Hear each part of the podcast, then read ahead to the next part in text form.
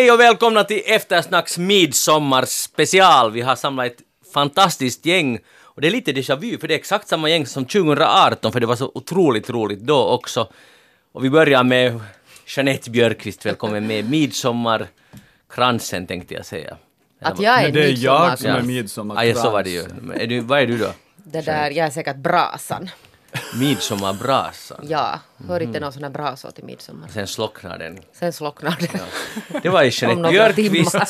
Sen har vi Johan Fagerud, vår egen midsommarkrans. Välkommen med. Jo, jag är otroligt kontrollerad och sansad idag, för jag fick höra förra midsommaren så var vi ju så lössläppta, Pia-Maria och jag, så nu har jag tänkt hålla mig åtminstone de första fem minuterna tills retsinan har kommit och jag Ja. släpper loss och börjar fnittra med Pia-Maria.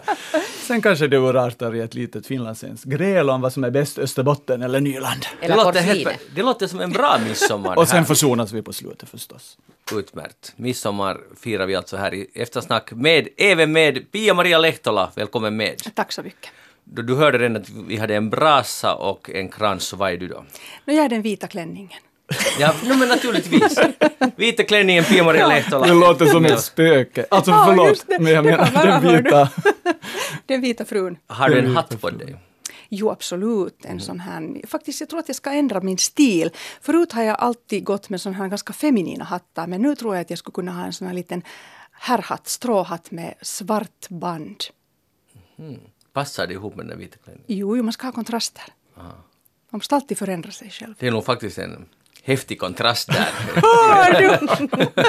Nåja, jag heter Magnus Lundén, program alltså Eftersnack. Vi ska Och vad är du då? Ja, det är en bra fråga. Du får välja. Alltså måste vara någonting Vad med finns det? midsommar. No, klart det ska vara det. jag, är en, jag är en flaska Retsina. Duger det? Har ni inte märkt att han har linneskjorta det var i år? det. Det som Det jag hade i fjol. Du- jag har redan påverkat honom. Du har. Magnus, vad heter det, lärt dig någonting? Att det ska vara linne. Linne är ju överlägset som material för en skjorta. Det är nu helt klart. Absolut, man behöver ju inte stryka den heller. Det är ju bara Men att jag hänga strök den i nog den här i duschen. morse men det har ju ingen betydelse för det var ju strittar ju direkt. Väldigt vacker, sån här babyblå färg. Och från Litauen dessutom. Du. Ja. Är det ett plus Fin eller ett minus? fin energi. Bra, men varför har inte du Johan linne? Jag trodde vi alla skulle klä oss i linne Nå, idag. det var lite kyligt som det kan vara, så jag har faktiskt ylle på mig idag. Vi bandar alltså inte i direktsändning om någon nu funderar när det är plus 30 grader där ute på stugan att vad är det han yrar om. Men det beror på att vi inte är exakt i direktsändning för vi vill också ha ett liv här i eftersnack. Det där på tal om liv, så eh, den standardfrågan, nej, här, vad gör jag? För Nu, det första vi gör är att vi ska, jag vill nu skryta, för vi har ju den här traditionen att vi dricker Retsina alltid. Dessvärre efter- har vi det, ja. ja. Och det här är alltså ett tvådelat program, det är 57 minuter plus 57 minuter. Eh, så vi fortsätter ända fram till klockan 16 och nu är klockan lite över två. Nåja, det där, eh, vi har den här traditionen, vi dricker alltid en lite Retsina här för att komma i god midsommarstämning och det hänför sig till en, en kolumn för länge sedan i Alkos tidning Etiketten där en vinskribent skrev att det, det, det är liksom toppen av livet att kunna öppna en flaska Retsina på midsommarafton. Och, eh, och det har vi tagit fasta på och med framgång anammat det här konceptet nu säkert i minst tio år. Jag bara tänker det att skulle det ha kommit någon uppdaterad kolumn om något helt annat. Jag har inte sett och jag tänker inte heller leta efter en sån. Jeanette ser lidande ut Ja. redan. För det är ju då äh, den här äh, tallkådan som Aleppo-tallen som har satt sin prägel på Retsinan. Men nu har jag utvecklat det för att jag har skickat en, en vad ska vi säga, en vinjägare ända ner till Kreta för att köpa något mera genuint än det som bjuds på Alko. Och nu kom hon tillbaka, det är alltså min fru kom med den här flaskan och här, och det här är nu det bästa som Grekland har att erbjuda, får vi hoppas i alla fall. Det är en gul flaska. Vad tycker ni om designen? den kostar något två euro. Ja, kanske 2,50. Vad tycker Snygg. Stilig, gul, kurtaki heter den. Och, mm, det där är någon sån här gudinnedryck. Ja. Färgen är sån här guldgul. Just för att du sa så där fint om vår vän Resina, ska du få, få, få den, vara den första som får ett, någonting i glaset. Och jag vet du har haft en törstig strupe här hela, ända till sekunden. Jeanette, får det vara lite slurk? Mycket lite. Ja, okej. Stopp, stopp, stopp. Och Johan, Ja, tack. Det här är ju väldigt C-vitaminrikt. Är det det? det måste ju vara. Och, Jag vill inte ens lukta på det här. och vet ni, jag läste det där, uh, vi tar först en skål här. Skål för tallkådan, skål och glad midsommar Skål, nu. glad, Glad midsommar. Det här var början. Skål! Ingen vill skåla med mig. Jo, jo. Skål, Jeanette. Jag är så kritisk Där. mot det här. Och Jag är skål alla ni lyssnare som nu också hopp- förhoppningsvis har ett sina i glasen. Eller något annat. Underbart. vad äckligt. Gott. Men den är lite annorlunda än våra tidigare. Den här är bäst. Det är inte Ja. så skarp kodsmak. Nej, det här är nog lite ledare, snällare på något Jag tycker, jag sätt. tycker att den här smakar mera liksom äkta. Här är nog inga, inga konstgjorda ämnen och essenser. Det kan bra stämma. Och det jag läste på vinbanken.se att där de hyllar faktiskt Retsina. Att det här med att de har sätta i det här koden så det de var liksom före sin tid. Här står så här, grekerna har under tusentals år tillsatt tallkåda för att skydda vinet mot syra och bakterier. Ett genidrag som kan ses som, en för, som föregångaren till vårt moderna vinskydd, sulfiter. Så, det där, så de visste nog vad de gjorde. Och, och, och nu har vi en sån jättestor trend i Europa och säkert också i Skandinavien snart det här med naturviner. Att människor vill inte köpa de här konstgjorda vinerna som, som har alla möjliga tillsatsämnen. Det här har ju tagits väldigt starkt upp i Sverige. En författare som, som har bekantat sig med, med Jag har inte vingårdar. druckit sån naturvin. Det snackas my- mycket om det. Men det här är ju ganska nära ett naturvin. Och, och det lär ska vara så att vin är jättebra för hälsan. Det desinfierar munnen. Och man blir inte sjuk. Drick nu Jeanette. Jeanette, drick och var tyst. du måste nog ta en Du kan matsked. inte bara vara tyst, du måste dricka också. En matsked Retsina. Men det här du sa Pia Maria att det innehåller C-vitamin, är det något du bara har hittat på eller är det så? Vindruvor. Man kan aldrig ta bort C-vitamin från en, vindruva. Men det står, det, står, det står i de här artiklarna att det, det, är något, det är på gång en sån här Retsina-revolution, att det håller på att uppgraderas riktigt ordentligt. Att det är inte alls mer det där två euros vin utan nu, är det, nu blir det stil och, och, och så här. Det är den här naturvinsboomen och överlag det här att vi, vi, vi är medvetna om miljön. Så vi, vi får ju en sån kärlek. Vi vill ju dricka och äta allt det som är äkta och som ännu finns på jordklotet. Mm. Det kan Känner ju du försvinna. kärleken Jeanette? Nå det där, i, i den här drycken. Ja, vi börjar med det. Nå nej. Men hon har ju knappt smakat på den. Du måste ta en redig Ja, klunk då- nu och så känner du kärleken riktigt. Just det! ja, Ja, märker du inte redan hur harmonisk jag har blivit? ja, ja. Det jag och Johan sa Johan att tog en klunk till och jag joinar. För det här, jag tycker att det här är riktigt mums. Jag tycker det här är faktiskt den godaste. Ni tycker på Men- riktigt det? Men alltså på tal om naturviner, skulle man inte kunna göra vin av björksav som alla talar om nu, att det är så hälsosamt? Som Magnus är ju Ja, helt alltså jag ska ju starta en björksavsbusiness. Nej men det finns redan. Jag, Jo men min kommer att, eller mina barns björksavsbusiness kommer att liksom sopa mattan på allt sånt som redan kan finns. du inte laga vin av björksav till nästa det, är mot, midsommar? det är förresten en ganska bra idé. Mm. Jag tror att Pia-Maria skulle kunna shoppa en sån flaska. Eller vad tror du? Mm, Ja, björken är inte mitt favoritträd. Jag skulle hellre dricka gran. Grandryck. jag däremot tycker Gran- jag, men- Grandryck. Jeanette, vänta nu, vi tar en sak Ja, sen där. ja. Varför tycker du inte om björkar? Alltså björken är så svag. Den har, vet du, den där, jag tycker inte om den där, den där tunna, björkens det där skalet, vet du, det där tunna vita. Som barn drog man ju alltid på björkens Det var, ju inte, stam. det var inte så snällt Alltså näver säga. ja, det där tunna. Som är där liksom på Yttersta, men det är näven, ja, men att nu men det är sånt väldigt tunt som vet. siden Mm, nästan. ja. Och, och jag har all, all, aldrig identifierat mig med björken för att den är så skandinavisk och ljus. Jag, jag har ju det där att jag tycker om vet du, mera mystiska kulturer och, och Mm. det gamla Europa. Och för mig är granen det un, mest underbara träd man kan hitta här i Finland. Det, är ju, Jag älskar det, är granen. ganska, det är ganska ovanligt det där. Granen har ju invaderat ändå Norden någon på 1500-talet när, när den nu kom. Sådär ungefär. Men den, den känner mig alltid hemtrevlig med granen. Men granen är ju sådär stickig och jobbig. Ja, men den är väldigt trygg också. Den, den, den är, Men nu är den det. Alltså min mormor talade alltid om när hon, hon åkte, åkte tåg från Hangö till Helsingfors så sa hon alltid att, att det är som granarna skulle dansa när hon tittade från, från tågfönstren när hon såg granarna. Så kanske därifrån har den här därför- kärl, min kärlek till granar kommit. Men har du tänkt på det? Granen dödar ju an, all sån undervegetation. Den är, tar ju över, en ganska dominant. No, du är också dominant Magnus och du har kommit ganska långt. Det är en gran. Oj, okej, Jag hade tänkt att vi skulle börja gräla först efter halva programmet, men nu är vi redan i fart. Ja, Jag är inte alls dominant. jag- Österbotten är bäst. ja, ja. Okej, okej. Nåja, och därför... Okej, och Jeanette tycker mer om björken. Men förstås alltså för att det Jeanette finns. Ja, björkkvistar. hör du, det det ju Jag det. tycker hon är jävig. Och jag tar det där, jag tar det ju personligt, alltså allt som sägs illa om björkar så tar jag ju alltså sådär personligt. Sådär som man ska vara svenskt lättkränkt. Ja. Så uppfattar jag det som angrepp mot mig. Men får man ta ner, får man, hur är det Nej, att vet hugga du en björk? Vet du vad? No. Alltså jag bor ju alltså med en man som hatar björkar och han hugger, han älskar att såga ner björkar. Det är liksom, Han skulle säkert leva på att Men såga vet ner du, vad, vet du varför han gör det? Han vill ha uppmärksamhet. Han får inte tillräckligt uppmärksamhet. Ja, vi bråkar hemskt Av mycket om det här. björkkvist. Ja, alltså min, Ja. min, min man eh, vad heter det, fällde en gång ett körsbärsträd som jag älskar. Och det var bara för att jag inte hade uppmärksammat honom på ett halvt år. På ett halvt år. Jag har lärt mig att man har inte levt förgäves om man har planterat ett träd, men för er gäller det tydligen att man har inte levt förgäves om man inte har sågat ner ett Ja, hör du, du har aldrig gjort det. Du har inte behövt Jo, uppmärksamhet. Jag har nog sågat ner både ett och annat träd. Men mm, ja... Har du jag, funderat på att du vill ha någons uppmärksamhet? Jo, det har jag definitivt, men jag, jag har inte faktiskt kopplat ihop det där att jag skulle börja hugga ner träd för att få upp, Inte ännu. Nej, men kanske jag skulle testa det. Jag har hört att det är ganska vanligt faktiskt. Midsommarhelgen är ju lång. Men, men hur många björkar har ungefär strittat för att få din, Väldigt för att få din många, alltså uppmärksamhet? Tiotals. Och det tar inte slut. Och nu sa jag att det, där, det är farligt det här att ha en motorsåg i Helsingfors för han går väl snart ut i parken på natten och i smyg sågar ner.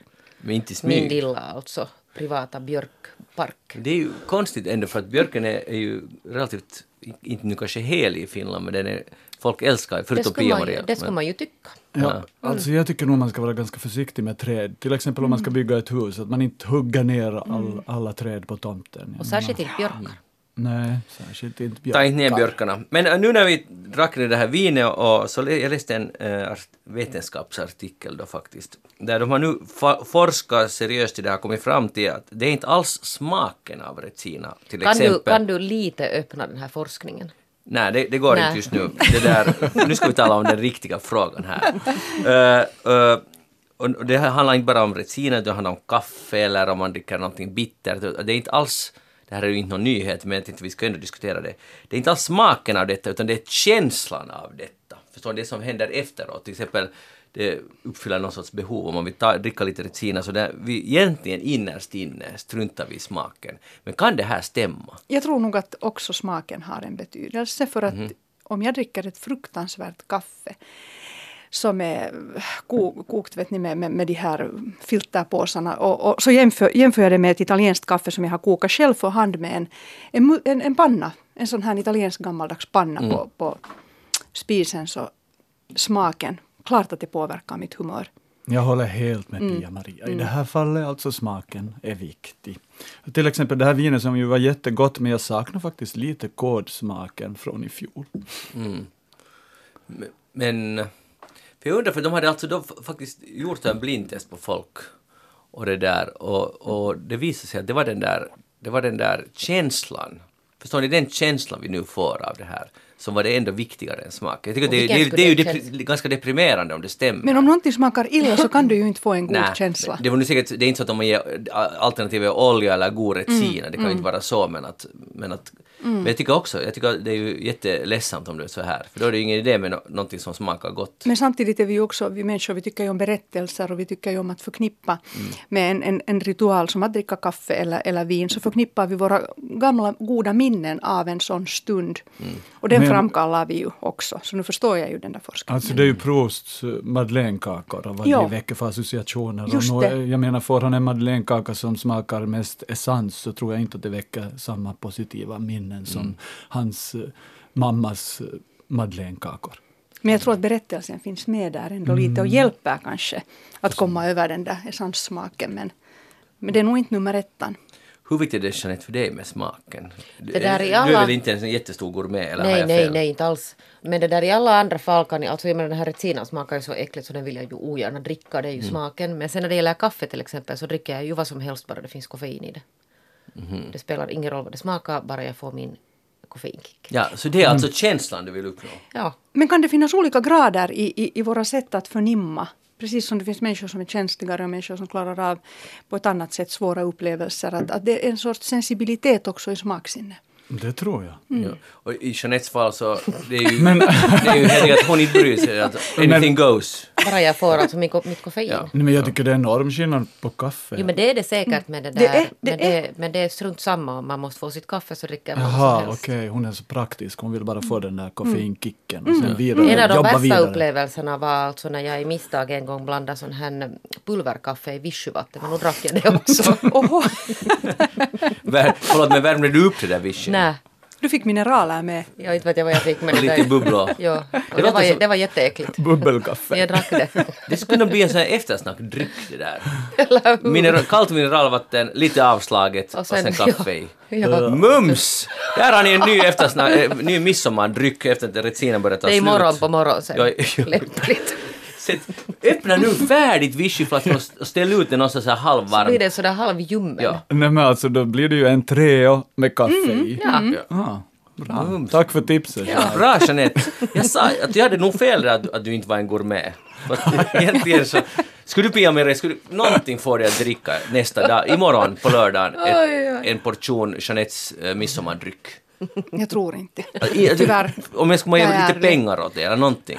En linneskjorta. Nå, då skulle jag kunna. Okej. En matsked, så som Nej, nej. Jeanette dricker nej, en nej, nej. Du, matsked. ska, du ska dricka hela koppen.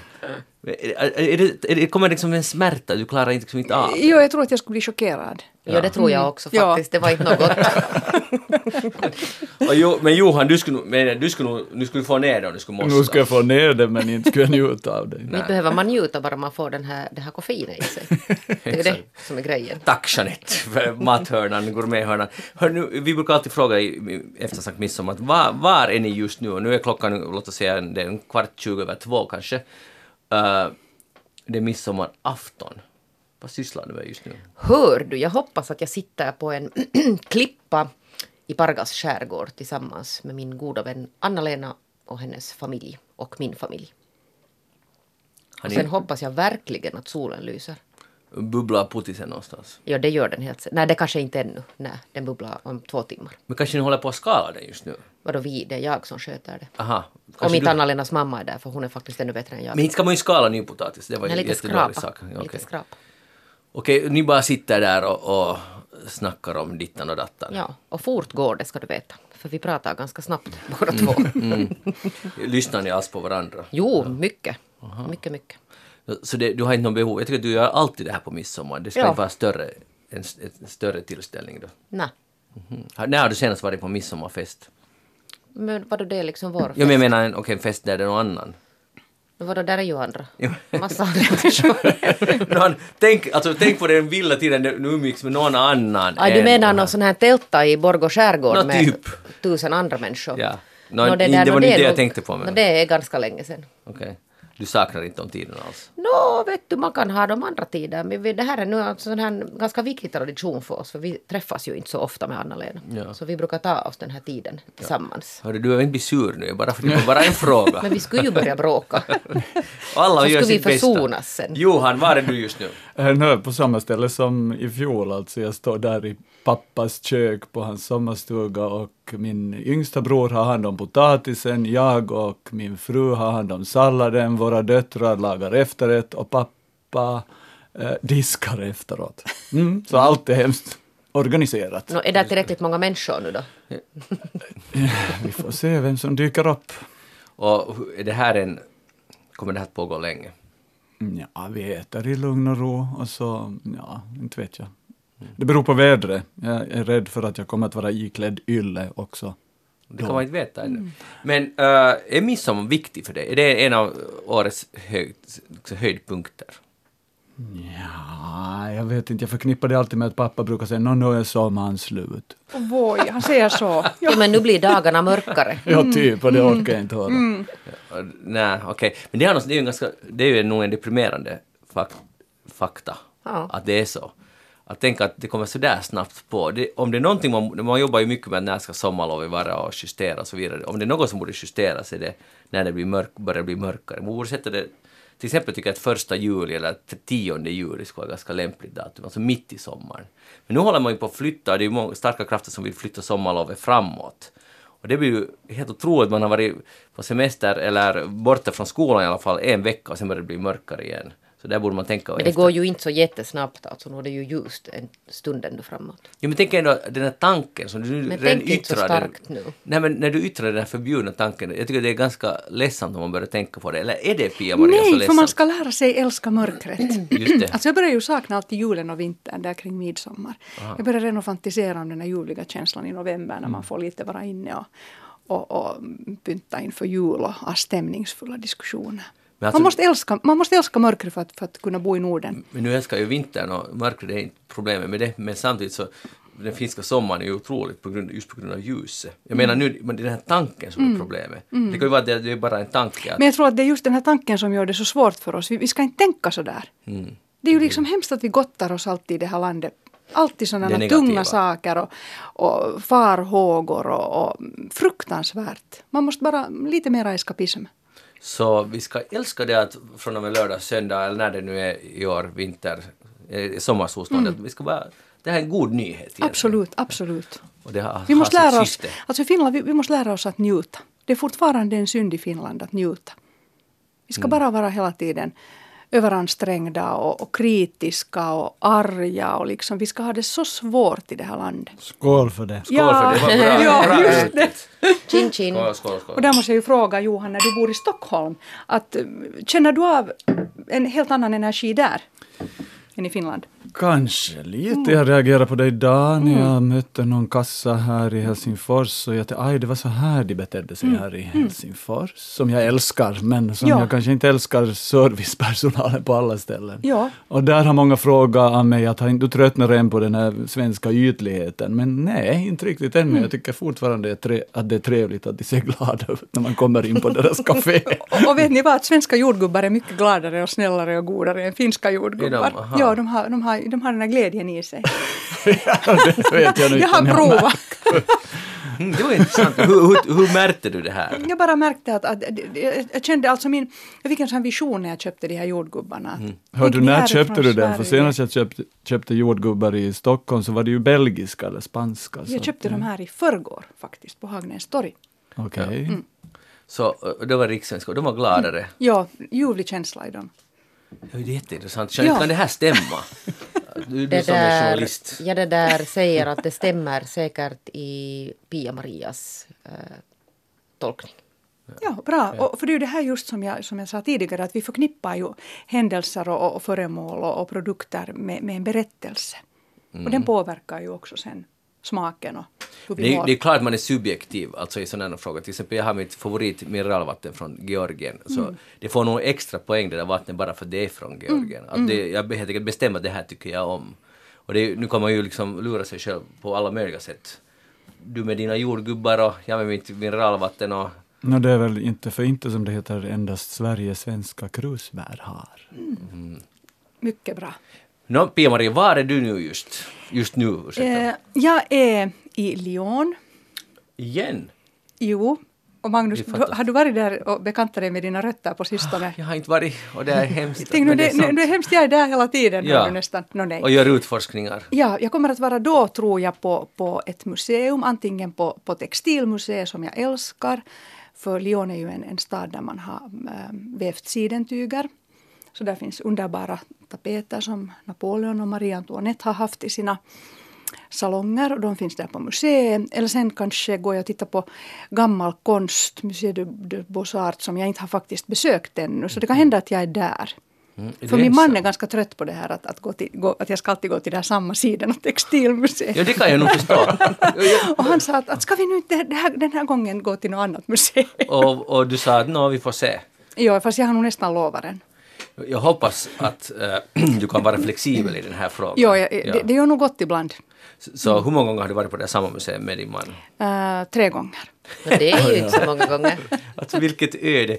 Okej, men, vilken midsommar. Att, Men jag kan säga faktiskt, han har väntat i trädgården också. Det var, han har inte varit, ja, varit jag. med. Ha, ha, just det, vad gör han där? Tittar han på sin skärm? Han, läser någon bok. Just det. Och du går på museet? Ja. Och det är ni, ni två alltid där? Jag och dottern har också varit med mig på det här museet och beundrat de här ljuvliga sidentapeterna. Just det. Men nu är hon inte mera med där? Och det kan hända att hon kommer också i år. Just det. Har du besökt På en det här eh, sidenväv, alltså det här museet i Stockholm? Det finns en, ett gammalt sidenväveri på Söder tror jag det. Jag har aldrig varit där själv. Just, ja. ja nej, det, det Men borde som jag tips besöka. så kan du ju släpa din man Ja, dit då. just det. Bra, bra. Ja, om inte han har fått Ja. nog av sidenmuseet. så kan ni varva världen och besöka alla sidenväverier. Oj nej, han kommer att hata mig efter det här tipset. Jo, det kommer. Jag, jag skulle önska att vi skulle ge honom nu ro från sidan. lite. Du måste släppa honom ut i trädgården. Vet du. Låt, låt honom vara där. Låta honom ta ner alla körsbärsträd. Eller precis. precis. Det är det han gör där i trädgården utanför Sydenmuseet. Och sen får kanske- trädgård. Sen kommer den här uppmärksamheten. Okej, okay, nå sen när kvällen slår in, så vad händer då i Lyon? Eh, då kommer vi att köra ner till följande lilla stad. Där vi kommer snart tillbringa då tre veckor. Aha, var är det? Det är ett, ett eh, gammalt hertigdöme, Uzes, som ligger mellan Avignon och Nîmes. Och, och det är de trakterna som jag känner liksom att jag, jag hör, hör dit på, på något märkligt sätt. Jag älskar Avignon som ju är en vit eh, arkitekturen av, av en vitkalkad sten och där är ju påvarnas palats och, du kan se nunnor på gatorna där och, och, och samtidigt kan du också se mis, misären. Och det är på något sätt väldigt mänskligt att vara där för du ser alla, ska, alla skalor av, av vad det är att vara människa. Så det är en jättebra plats för, för att eh, odla sin empati. Det låter som Jakobstad utan nunnorna då. Okay. En utmärkt plats, plats att odla sin empati. Ja. Jeppis, ja, inte det. Åka tillbaka till sin hemstad. Ja. Då kan man behöva empati ibland. Men eh, vad, du är där i tre veckor, vad Ja. gör ni där? Sådär dagligen? Ni, ni äter säkert en god frukost. Och, Jo, njuter. Min man går alltid efter från ett sånt här eh, artisanalbageri. Bröd som är gjort till på det här gamla, gammaldags sättet. Och fina, fina gammaldags mjöl som har mineralerna kvar. Det är inte det här vita, vita som finns i våra, våra baguetter här i Finland. Sen bara njuter vi. Alltså jag, jag vill citera Helena Petäistö, den här journalisten då, som har bott länge i Paris och varit, varit politisk journalist. Hon, eh, hon säger alltid att gå och sätt er på ett café. Prestera inte. Så jag är aldrig där och jagar eller går omkring med någon hov i handen. Utan, utan jag, jag iakttar, begrundar, sitter, sitter på kaféer och går på de där smala gränderna och bara njuter. Och förstås talar med människor. Jag har ju bekanta där också. En härlig kvinnlig antikhandlare, Caroline, som jag ska träffa igen. Det låter inte så dåligt det där, men Jeanette, är det här en semester för dig? Ska hon kunna sälja in det här konceptet åt dig? Eh, det här att Tre veckor, gå i gränder, sitta på café. kanske inte tre veckor, det skulle nog bli lite långt, men nog en dag eller så. En dag. Du, du kanske bjuda in Jeanette och sen skulle rastlösheten ta över. Så det skulle kanske inte vara Men hör du, vad ska du själv göra? Jo, alltså det är det att eh, det är lite överraskande. Men när vi har ett sånt gäng, kompisgäng, och eh, i lågstadiet så sjöng vi en sån här sång som kanske någon av er som är lite bildade, jag tänker inte nu på Jeanette men på er två, eh, Tåget pustar över pustan. Kommer ni ihåg en sång? En barnsång. Namnet låter bekant men den, har- den har nog inte varit vanlig. Tåget till Balaton heter sången. Mm. Nåja, vi, vi brukar sjunga olika psalmer och olika andra sånger som vi sjöng i lågstadiet ibland just for fun och så började vi någon, för några år sedan att sjunga på den här låten, eller den här visan egentligen. Och det handlar om Joska som far till eh, sjön Balaton i Ungern och ska hälsa på sin mormor i Tihani. Och, och den, den är helt enkelt en barnsång men en är mycket, mycket viktiga och fina ord och det där så vi sjunga på den här och sen har vi nu alltid sjungit, haft en, grundat en liten egen manskör kan man väl kalla det. Vi, uppträder, vi, har, eller vi har haft ett uppträdande hittills och det var på en midsommar för länge sedan. Men så har vi börjat den här tanken, borde man fira midsommar i, i Balaton någon gång? Och så blev det så. Och det har varit på gång länge och nu blir det av. Att nu just är, vi, är jag i Tihani i Balaton och vi har tagit tåget dit, i alla fall en del av oss, via, i vårt fall via Vitryssland, jag hoppas allt har gått bra, via Vitryssland och eh, Polen och sen nattåget, ja det är två nattåg och så kommer vi fram till Budapest och sen tåget till Tihani. Så nu är vi just i Tihani och jag antar, vi är 27 människor totalt, så vi är ganska många, vi har hyrt ett enormt hus.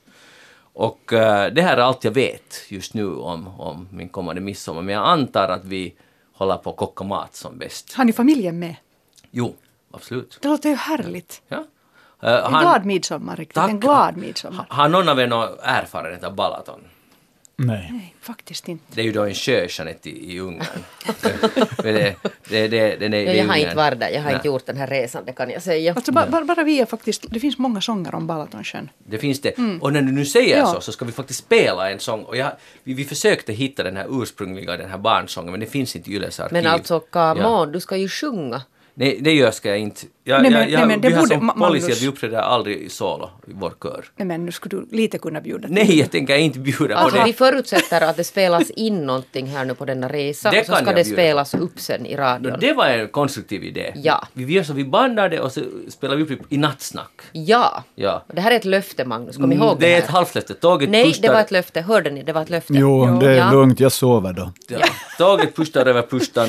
Uh, det handlar om Joska, ja, så var det. Men nu har vi en annan låt, ett ungerskt band som också har gjort en uh, låt som handlar om att ta, ta tåget till Balaton. Och den här ska vi nu njuta av. Det är vår första gången någonsin vi lyssnar på ungersk musik i eftersnack. Så att skål på den saken och vi är tillbaka efter den här, det här mästerverket.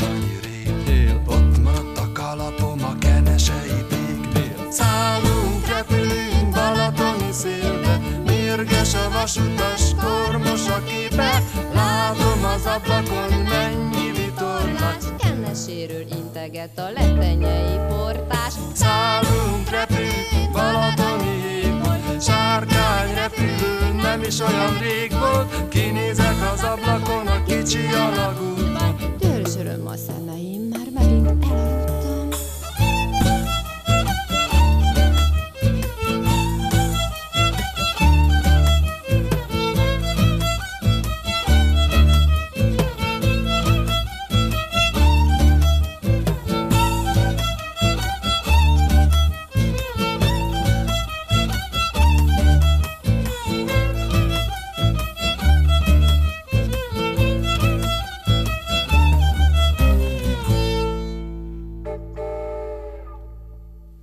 Ni hörde väl tågvisslan där. Tåget pustar över pustan mot Balaton i Ungern. Det var det ungerska låten, äh, bandet Makam som sjöng den här låten som heter, helt enkelt heter, heter Balaton.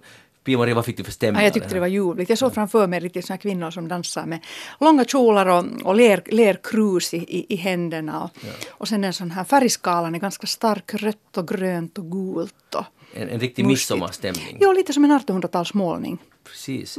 Så, så ser jag också oss när vi kommer att vara där i Balaton. Som en Det är alltså ni då i 1800-talsmål. klänningar? Det är vi i klänningar, ja exakt. Det blir nog... Det, Men här fanns lite gre- grekiska undertoner i den här musiken.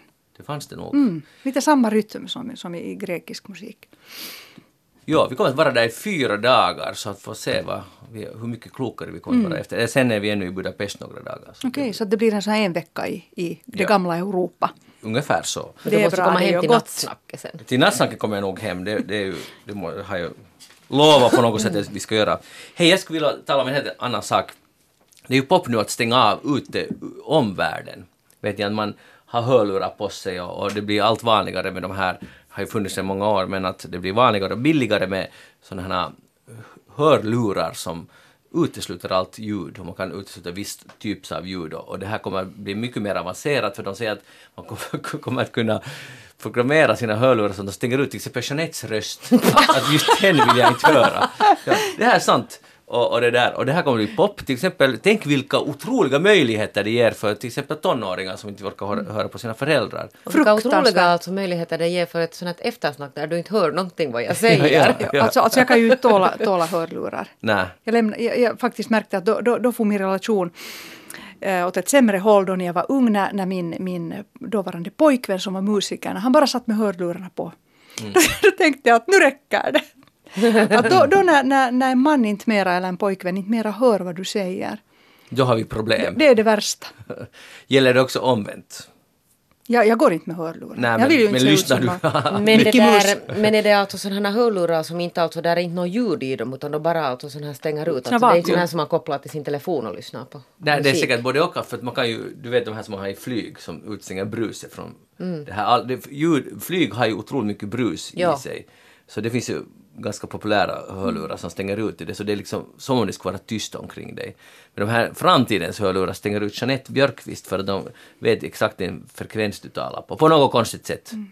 Men, men jag tycker det är så hemskt att varför ska världen bli värre och så måste vi skydda oss för den grymma världen? Kan vi inte liksom hellre göra världen bättre och så, så kan vi alla umgås och, och, och vara i, i kontakt med varandra. Det är det som är det värsta nu när vi är i våra egna bubblor och i våra egna vakuum.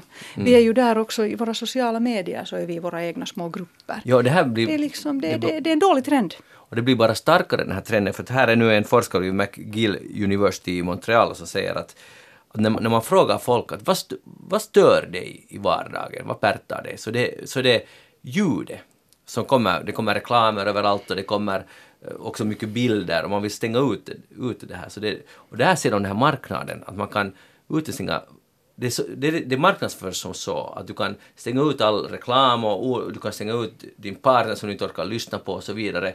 Men vad det kommer att leda till, så det tror jag någon egentligen har tänkt igenom hemskt noggrant.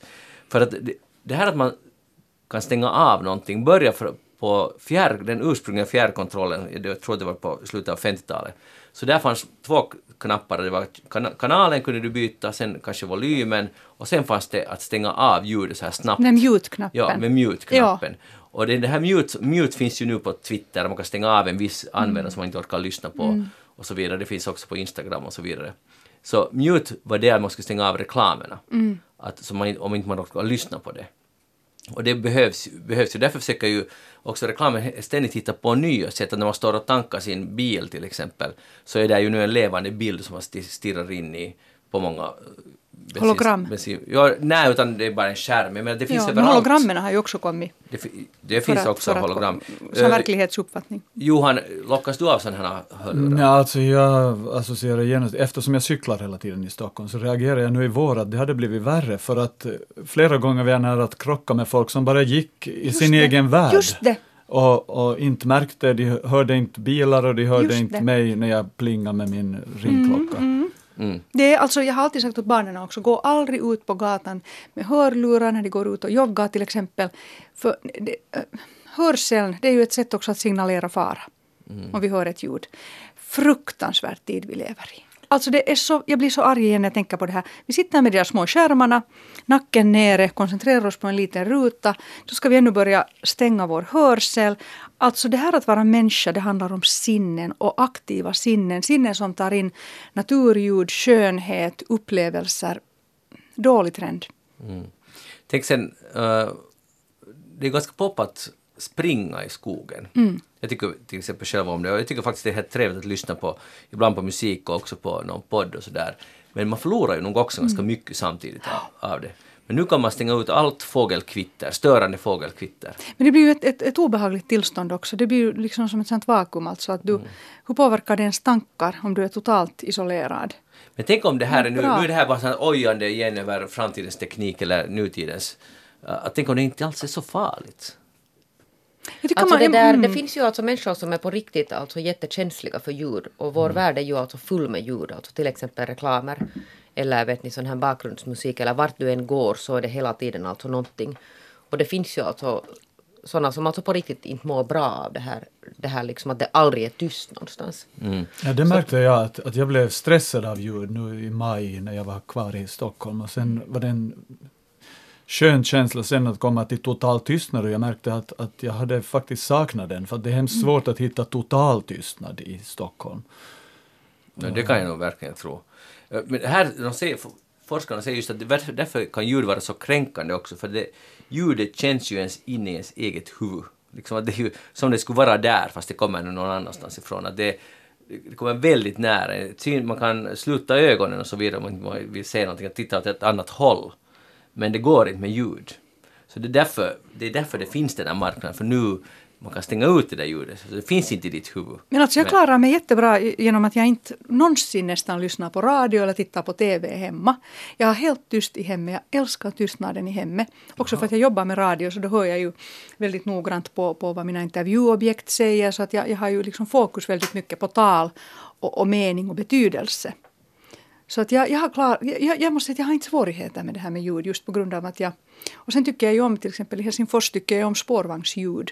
För det för mig tillbaka till min barndom, 70-talet i Tölö. Så att mm, jag måste säga att personligen har jag inte upplevt någon sån här stress. Jag kan bara ge ett tips här att de som lider av tinnitus, de, de till exempel, alltså min man är musiker och han, han provade då när han hade svår tinnitus att, att ha hörlurar på när han till exempel diska på, på, på vår villa. Och då, då, då så märkte han att tinnitusen blev sämre. För våra, vår hörsel, vi måste hela tiden, öronen måste få uh, i, hörselintryck eller ljud. För att om vi helt skyddar öronen så blir vi känsligare för yttre ljud. Så det är också en hälsosak. Att inte gå omkring hela tiden med hörlurar, alltså tysta lurar. Finns det Jeanette någon du skulle vilja stänga av? Nej, alltså jag är, det där, jag är ju fullständigt okänslig för ljud. Alltså jag, eller jag på det sättet att jag kan inte jobba om det är tyst. Jag måste alltså ha ljud omkring mig för att kunna det där vara produktiv och kreativ. Var du sån som eh, lyssnade på musik samtidigt som du läste läxor när du gick Jo. i? Okej. Fortfarande så måste jag alltså ha så att det måste hela tiden höras ljud.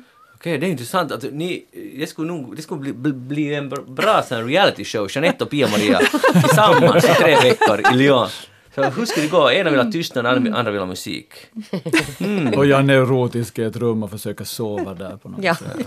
Jag ska ha knäpptyst. Och han så, Magnus står där och dansar balalaika eller? Jo, just det. Ja, Alltså tjej. verkligen. Kanske inte bara lajka men, men något annat. Den ungerska manskören kan Ja. ju uppträda där. Men, men nu förstår jag Jeanette lite, till exempel om jag- om jag diskar så nu har jag gärna på radion. Det är ju, jag tycker det är jättetrevligt Om en sällskap. klirre av en gaffel mot en gammal porslinstallrik. Alltså det är ju det mest, det är den trygga, det är en sån trygg känsla. Det vankas mat eller man har just ätit. Det är ju en sån historisk måltids, ett måltidsljud. Men vänta nu, alltså... Ska Alltså du, på riktigt, det här är inte ett skämt. jo, nej, no, men jag, jag vill lite nu ifrågasätta det här att du njuter när du diskar. Det är så här, Jag älskar att klirret. diska. Ja, det är det bästa för hjärnan också. Aha, Hjärnhalvorna möts när du har vänstra och högra handen och du diskar. Och det, det är ju här arkaiska fina händelser som, som vi måste ha mera såna i dagens läge. Men uh, okej, så det räknas inte om man diskar och lyssnar till exempel på Yle Vega samtidigt. Då är det inte en arkaisk handling på det sättet. Nej. Nähä. Just det. Det var ju lite dåliga nyheter för Mm, hela radiobranschen kan man väl säga. Okej, så vi kan packa ihop, dricka, Ja. tömma glasen och så går vi hem. det ska vi göra. Diskar. Okej Johan, är du, kör du på musik? Liksom, har du sån bakgrundsunderhåll? Alltså jag är ju en sån som faktiskt lyssnar på radio gärna när jag Ja. diskar eller alltså jag också musik eftersom min fru ursprungligen är musiker så hon lyssnar ju aldrig på musik för det var jobb för henne. Medan Så är det jag, gärna, ja, ja. och jag gärna lyssnar på musik. Just det. Så ja. hon stänger gärna av radion när jag vill lyssna. Aha. Hur motiverar hon det sen? En, att hon vill ha tystnad. Men Eller att vet hon- du vad, då har vi lösningen för dig. Alltså, ser du sådana bluetooth-hörlurar som du kan koppla till din telefon och så kan du lyssna vet du, och då stänger du ute, vet du, du stänger in dig där i din egen. Men då blir hon men nog kränkt. Om han går omkring bara. Nu Ja, det ju, det var ju det. jag tycker, Men jag tycker, jag har ju sådana här och de är ju fantastiska sådana här att man liksom de bara, där är man. ja, så du stänger ute? Nej, jag stänger inne mig där i min musik. Du stänger in dig själv. Det är du, stänger skillnad inte på ut, det är inte, du stänger inte ut någon, du stänger bara in dig själv. Ja, det är en stor skillnad. Ja. Men för att jag blir nog, alltså det är intressant hur man blir alltså provocerad av helt löjliga saker. För till exempel om någon av mina barn går omkring med såna här hörlurar hemma så, så jag säger inte något, men jag är lite ett ho-ho. liksom Just att, det. Det här- att, Hallå, det är så- här är andra människor. Men det är, Ja. vet, ni, en ganska primitiv reaktion. Men det är för att det är något nytt. Och plötsligt så vet man att en människa hör inte vad man säger. Jag tycker, jag tycker att det, det, på något konstigt sätt är det fel. Men det är Det är fantastiskt bra. alltså de här, jag vill nog göra lite reklam för de här bluetooth för att du kan gå vart som helst utan en tråd med dig. De är bara fast där på ditt huvud. Det är otroligt fint. Just det, så du, du har varit tyst så här länge medan du faktiskt har, du har anammat allt det här för länge sedan. Nej, men det är lite annan sak. Alltså jag skulle, det är ju inte tyst i mina ja. lurar. Alltså jag skulle säkert bli en olidlig människa om jag skulle gå omkring med ljuvlig fransk musik i såna här små vackra ljusröda hörlurar hemma. Jag skulle bara småle och dansa. Alltså min familj skulle ju inte tåla, kunna tåla mig. Men jag gör inte det, jag tänker på andra. Plötsligt fick jag, går den att köpa så att man får Pia-Maria avstängd också. Ja. Eller är det bara Jeanette som man stänger Jag, av? tycker, jag kan kolla, men jag tror att det går att fixa båda två. Jag tycker det var lite ohövligt av dig att börja hela den här diskussionen glatt med att nu kommer det hörlurar där man kan stänga av Jeanette. Ja, men det är nog en, ibland kan det vara en god nyhet. Men, men att man kan säkert stänga av det Magnus också, jag lovar att... Inte vill vi stänga av det. Nej, Nej, nej, vi är goda. Vi är goda som Ja. Pia-Maria. Lite som bluff. Uh, Okej, men vi ska alltså... Vi, det var Mitt fint. glas är tomt, mitt glas Aha, här är ska tomt. vi få Oj lite Johan, du är duktig, duktig, duktig. Du ska få mycket hör du här så får jag mindre. Tack, tack. där, frisk sådär. var du hela året. Magnus ska också här lite. Vill Pia ha lite påfyllning Jag också? kan också ta, ja. Härligt, snart har vi tömt det här. Och jag har inte tagit någonting mer. Jag läste i tidningen, den svenska tidningen Turist, som är alltså Svenska turistföreningens Har ni sett den filmen förresten? Jo, den är ganska intressant. Eller inte så lite heller. Eh, det där, men det här handlar inte nu om mansrollen, eller kanske det gör det de facto. Här är en jätteintressant eh, artikel, Stenar som väcker känslor. Eh, jag vet inte hur mycket ni är ute och vandrar i nationalparker eller går bestiger berg, men i alla fall är det, är det Pia-Maria, du är säkert dagligen, men i alla fall, nu är det så att det har blivit allt vanligare, man kommer upp på krönet, att man bygger ett litet stentorn åt sig. Och, och det där och det här har ju långa traditioner. Det är ju riktigt arkaiskt Jo, här. verkligen. Men nu, om det här är nu ett foto, om ni tittar på det här fotot, det här är från uh, uh, i norra Dalarna, så ser ni, det här är alla i modern tid människogjorda små, små stentorn, vad man nu ska kalla det kanske. Vi ska se här nu. Sådana har jag sett i Hangö förresten. Ja. Det är mode där att, att göra. Stenrösen i alla fall, här är de, här är stenrösen, alla de här, det här är alltså säkert nästan hundratals små stenhögar. Och, och då har man försökt analysera det här och, och Sverige är tudelat i det här, för det, dels det är jättepopp att vandra i nationalparkerna på fjällen och så vidare. Och eh, traditionellt sett har det alltid funnits överst på kullen en, en liten sån här och då eh, det börjar det har börjat långt före det, men så i modern tid började det på slutet av 1800-talet, de som var först ansåg sig ha varit först på toppen, byggde en liten sen stenrösen eh, och så satte de med sitt visitkort in för att bevisa att hey, jag, det var sen jag som var här först. Och det där. Och nu har det spridit sig, nu sätter när familjer går dit och barnen inte har något att göra, hej vi bygger ett litet torn, och titta här finns många andra sådana här torn, och bygger ett litet högre torn. Och nu eh, är man många jättearga på det här för det förändrar naturen, stenar som har legat där i tusentals år på samma plats. Och då har man försökt analysera det, vad kan det bero på att det finns det här behovet? Och då är det helt enkelt det att vi som människor har ett behov av att lämna någonting efter oss, att visa att här har vi varit, att lämna något i princip bestående. Nu har det gått, till och med gått så långt att i Skuleskogens nationalpark så förbjöds det, för där var, fanns alltså hundratals torn uh, som var byggda på ett klapperstensfält. Uh, citat. Från att ha varit no no något enstaka torn så blev det här en viral historia. Det blev en grej att bygga torn och lägga upp på Facebook. Plötsligt hade vi hundratals torn och, och den gamla strandlinjen var inte längre tydlig, berättar Johan Ybel på Länsstyrelsen i Västnorrland. Och det gick så långt att de måste förbjuda det här och genom att påpeka att, ursäkta mig, de här stenarna har sedan legat här 8000 år på samma plats ända tills ni nu kommer hit och bygger detta torn. Kan ni vänligen sluta? Och de anställde en hel skara stenplockare för att lägga tillbaka alla stenar där de hoppades att de hade legat i tiden. För att liksom återställa stennaturen. Nu är det här uppe till debatt och då säger försvararna hej, det är inte så farligt att bygga ett litet stentorn, det är bara stenar och det är roligt att göra någonting när man kommer upp på, ett, på en topp och så vidare. Ordet är fritt. Jeanette. Nej! Ja, no, Johan, jag ska vara snäll lite. Alltså, rada nu de där stenarna om ni så hemskt gärna vill. Vid nästa sten, vad heter det, istid, så kommer de ändå att återställa. Så, så det är inte bestående. Nej, det är inte bestående och det är ju inte att de förstör någonting, de bara flyttar lite på de där stenarna, inte tycker jag att det är så farligt. Men jag kan ju hålla med när jag ser den där bilden att jag förstår ju nog att det kan, att det kan bli ett problem om varenda sten människa där är hundratals alltså. Ja, då blir det ju tusentals. Ja, plus att det blir ju alltså till exempel svårt att röra sig där på det där stället. Inte kan man ju gå på dem, de är ju lösa de här. De rasar ju ihop om man försöker ta något steg in dit. Så då begränsar det ju alltså också människors möjlighet att röra sig.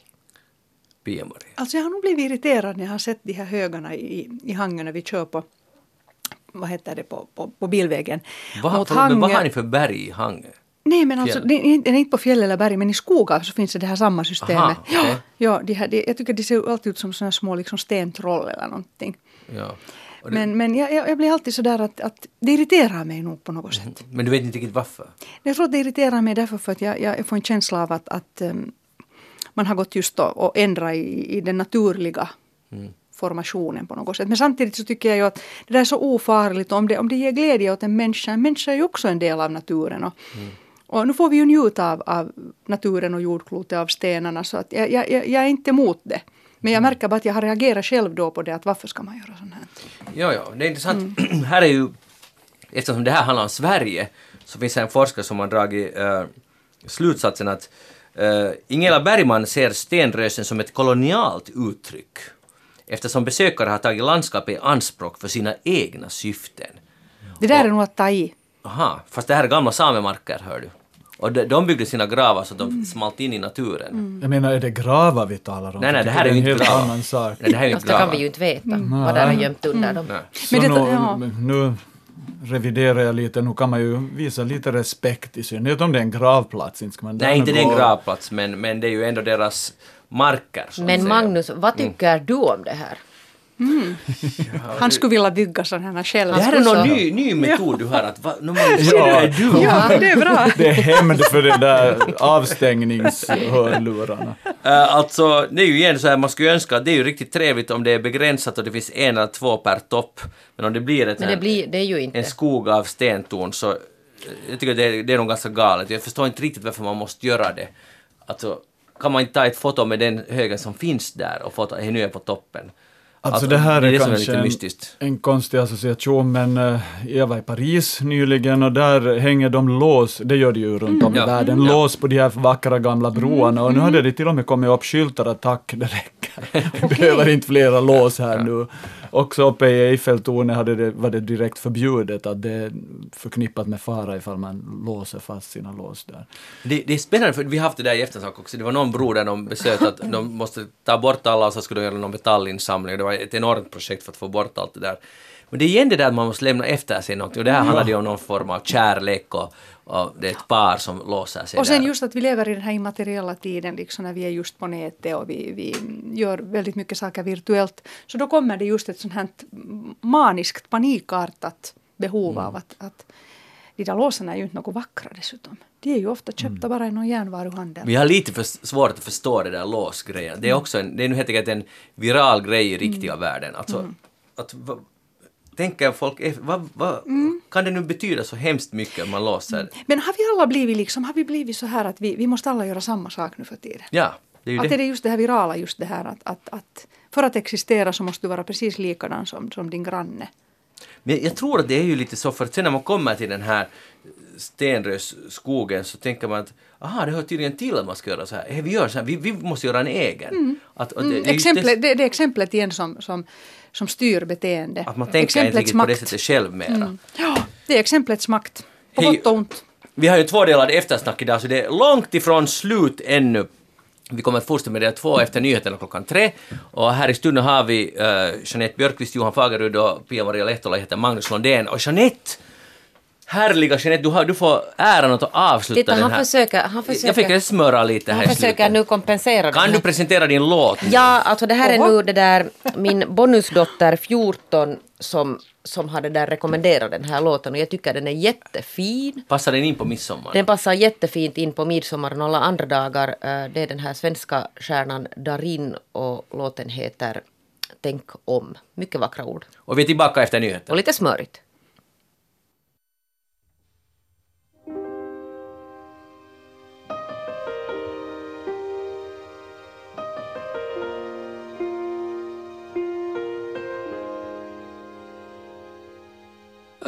Önskar att du och jag var samma.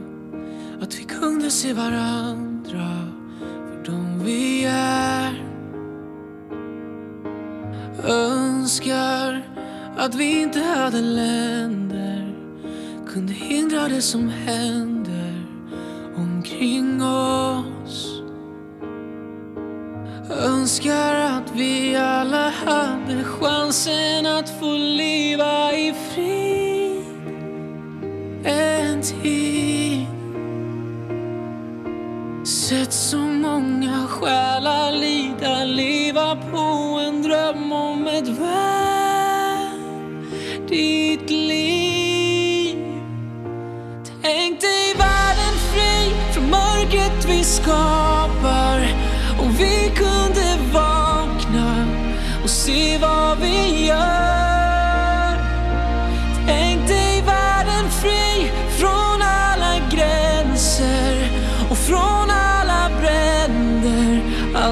Slagits för. Önskar vi kunde följa våra drömmar och riva alla murar vi har kvar. Tiden torkar inga tårar om vi alltid målar samma sak. Önskar att vi alla hade chansen att få leva i frid en tid. Sett så många själar lida, leva på en dröm om ett värdigt liv. Tänk dig världen fri från mörkret vi skapar.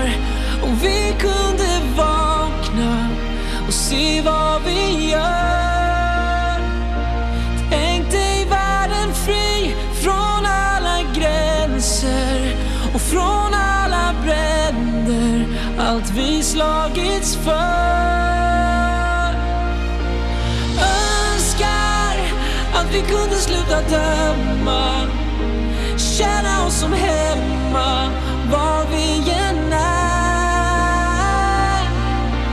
Tänka som vi vet vi borde tänka.